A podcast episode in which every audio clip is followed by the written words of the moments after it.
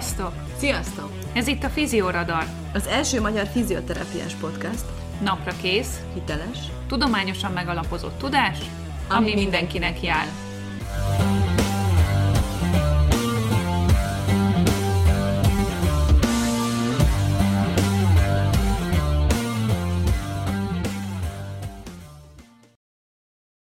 Sziasztok! Forgács Kristóf Kati vagyok, gyógytornász.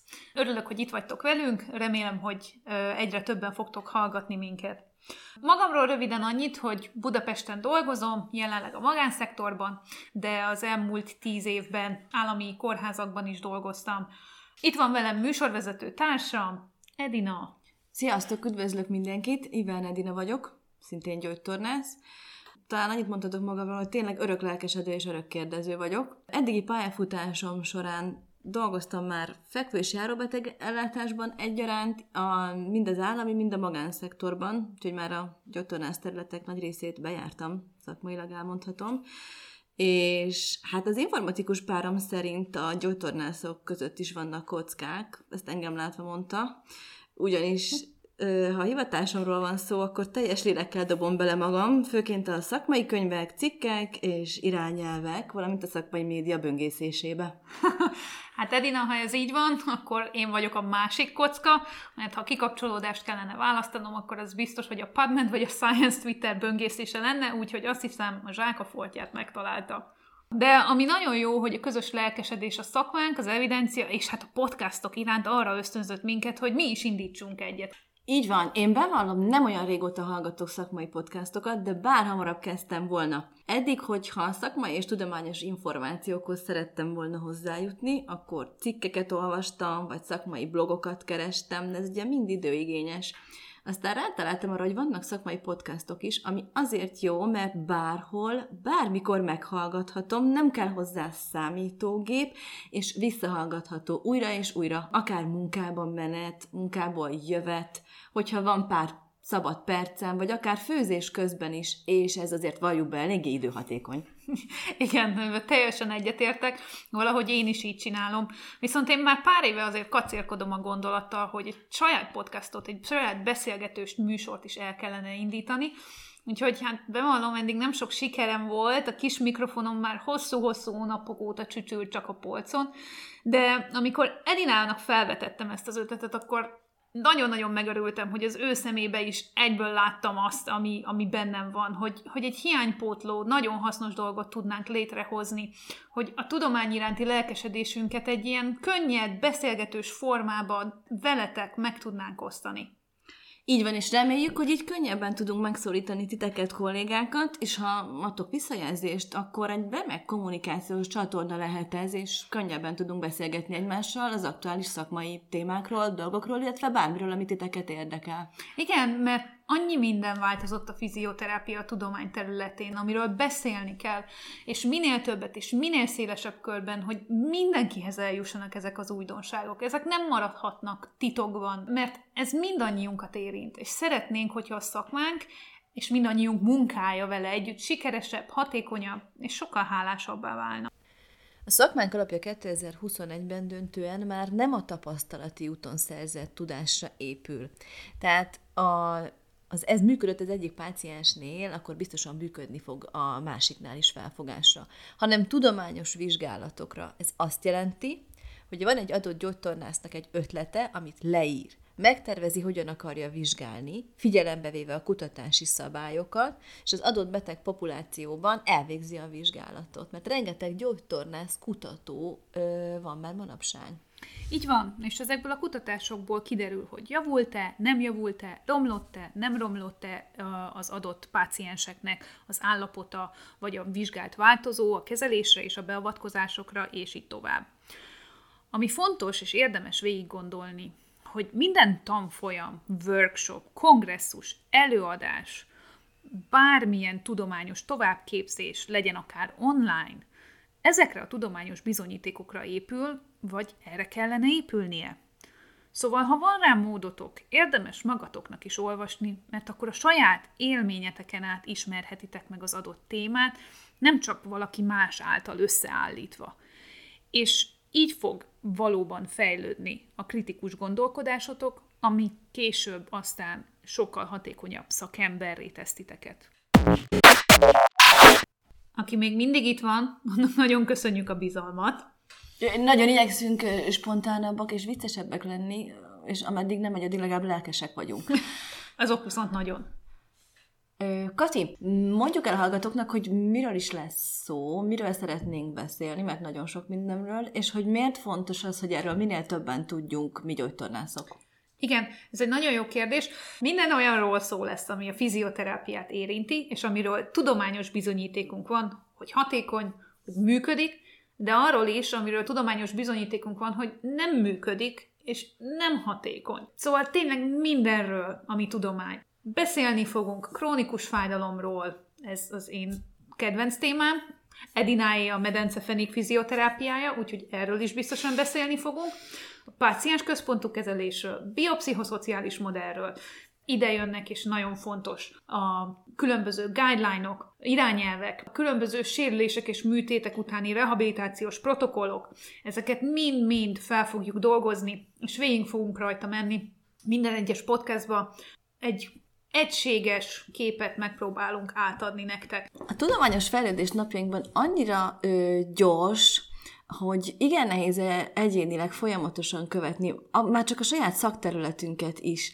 És mi szentül hiszük Katival, hogy azzal, hogy beszélünk ezekről az aktuális témákról és az evidenciákról, hozzájárulhatunk ahhoz, hogy hatékonyabb és sikeresebb terápiás kapcsolata legyen mindenkinek a pácienssel, és mindenkinek a javára váljon ez, tehát mindenki elégedettebb legyen.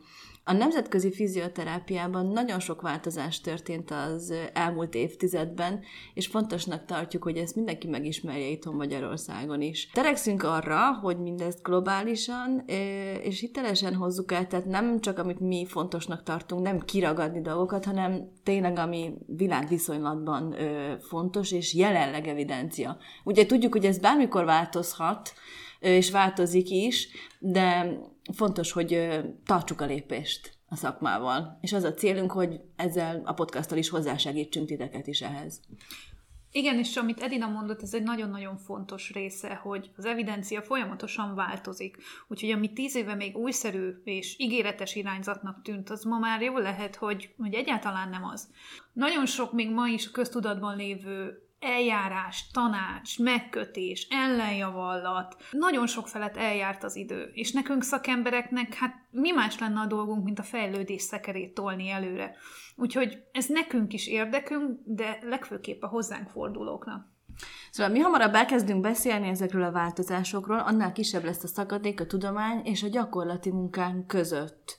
Mert az a fontos, hogy minden tudományos értéket, információt, az be tudjunk építeni a mindennapi gyakorlatunkba, elvégre így lesz értelme az egésznek.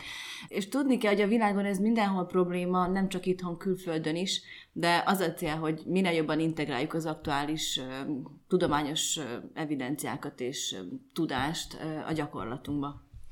Igen, úgyhogy, úgyhogy erre számíthattok, és hát azért nyilván sokatokba felmerül a kérdés, hogy na jó, de akkor miért mi kezdünk el erről beszélni. Úgyhogy szeretném, hogyha egy kicsit először Edina, és aztán utána én is elmondom, hogy miért lett érdemes minket hallgatni. Igen, a, a főiskola elvégzése utáni nyáron nekem friss diplomásként volt szerencsém Belgiumban a Lőveni Katolikus Egyetemen részt venni egy hát intenzív kurzuson, ez volt a címe is a kurzusnak, és valóban nagyon intenzív volt. Ez az Erasmus keretében hirdették meg ezt a programot, és hát mondhatom, hogy a világ minden részéről voltunk ott résztvevők, és nagyon érdekes volt.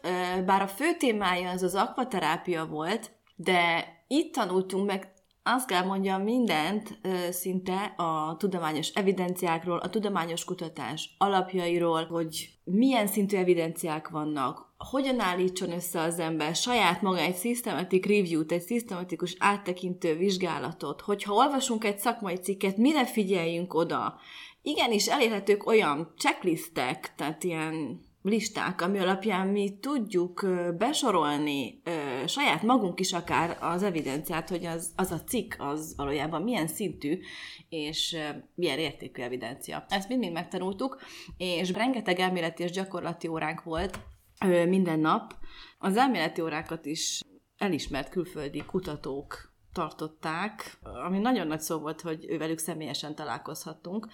És minden mellett nekünk az volt a feladatunk, hogy a második hét végére nemzetközi kis csoportokban állítsunk össze saját magunk a szervezők által kiadott témában egy saját systematic review-t. Na most ezt csak éjszaka tudtuk csinálni, mert akkor volt szabad időnk, és elő is kellett adni, amit mi összeállítottunk, szigorú szabályok szerint, hogy egy szabályos, szisztematikus áttekintő vizsgálatot kell, ezt elő kellett adnunk angolul, hogy mire jutottunk. Rendkívül tanulságos volt az egész, és nagyon sokat tanultunk. És hát aludni nem sokat aludtunk természetesen. Életemben nem ittam annyi kólát, kávét, és persze belga sört, mint az alatt a két hét alatt.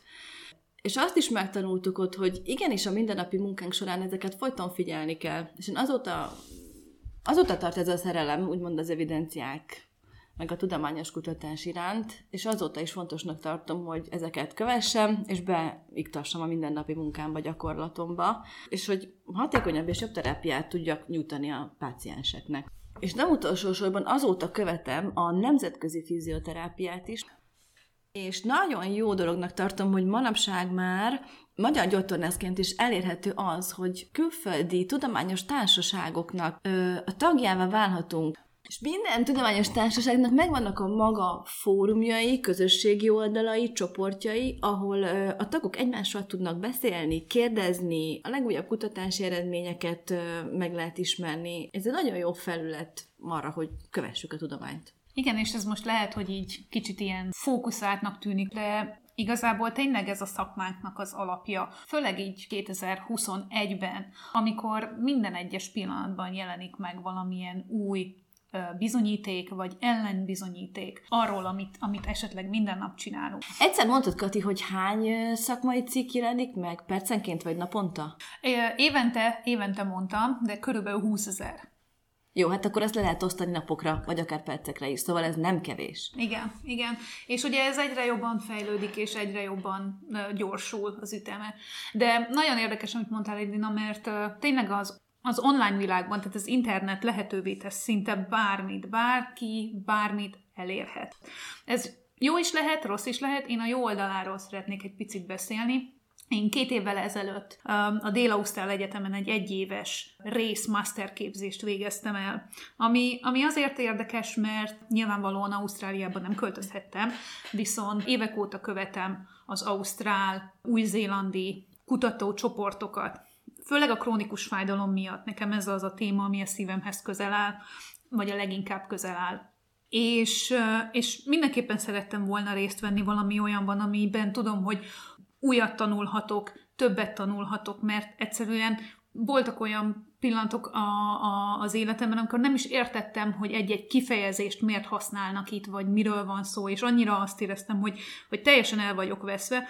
Úgyhogy elhatároztam, hogy nekem valamit erről konkrétan tanulnom kell, és, és sikerült is bejutnom az egyetemre, úgyhogy hát amit te mondtál, hogy nem aludtál túl sokat, hát én sem aludtam túl sokat az ausztrál időeltolódás miatt egy évig, ez nagyon érdekes volt, soha nem volt hajnal fél háromkor pizsamában vizsgám, hát két évvel ezelőtt volt, nagyon-nagyon izgalmas volt, és ez egy szóbeli vizsga volt, úgyhogy tényleg kamerával, mindennel nagyon-nagyon vicces volt. Elnézést is kértem a tanártól, szerencsére az ausztrálok eléggé lazák és jó fejek, úgyhogy igazából az érdekelte őt, hogy tudok-e megszólalni, érti-e, hogy mit mondok, vagy nem. Úgyhogy, és hát ahogy te is mondtad, egyszerűen olyan dolgokról hallott az ember, vagy hát hallottam én, ami amiről Magyarországon nem beszélünk, és ez egész egy párbeszéd volt. Kis csoportban dolgoztunk mi is, minden héten ki volt adva előre az anyag, és nem tankönyvre kell gondolni, meg nem ilyen kis előre megírt PPT-s vázlatokra, hanem minden egyes héten hat 10 szakcikket kaptunk feldolgozásra, amiben volt ajánlott, volt kötelező, és péntekenként volt a, voltak az élő órák, amikor ez konkrétan egy vita volt. Tehát nekünk ö, ütköztetni kellett érveket, ellenérveket. Mi, mi az, amiben ez a szakcik újat mondott nekünk, vagy éppen nem mondott újat nekünk? Mi az, amit meg kell kérdőjeleznünk benne, és mi az, amit elfogadhatunk? Hogyan olvassuk, hogyan nézzük, miért fontos ez? Ö, főleg a, hát ugye az egész témának ugye a pain science volt a, az alapja, tehát erről szólt minden, a modern fájdalomtudományról, honnan indultunk, hol tartunk most, és mi a jövő iránya. És hát ezt máshonnan nem lehet megtanulni, vagy nem lehet olvasni erről, csak és kizárólag a szakcikkekben. Úgyhogy, úgyhogy ez, ez, ez tényleg nagyon fontos, és, és sokkal izgalmasabb, mint ahogy most így elmondjuk, én azt hiszem, mert hogyha az ember egyszer rákap, akkor ez egy nagyon hálás dolog tud lenni. Nekünk Edinával ez a célunk, hogy ha ti nem is ültök le, vagy nem tudjátok, hogy hol keressétek, vagy ö, olvastok, de nem annyit, vagy bármilyen más szituáció. Tehát, hogy minél többet adjunk hozzá ahhoz, amit ti most tudtok, és ö, minél több, minél szélesebb legyen az ismeretanyagotok nektek is, és így mi is tanulunk, és ti is tanultok velünk együtt. Tehát hasonlót tapasztaltunk meg, én ugyancsak két hét alatt, Kati meg egy éven keresztül ezt csinálta, nem semmi. Tehát, hogy nem alszik az ember, nagyon sok mindent tanul, és közben más embereket megismer, nemzetközi kapcsolatokat épít, és igenis nagyon érdekes a többi ország gyógytornászaival is beszélgetni, és együtt dolgozni, úgyhogy ez nagyon klassz dolog, és érdekes.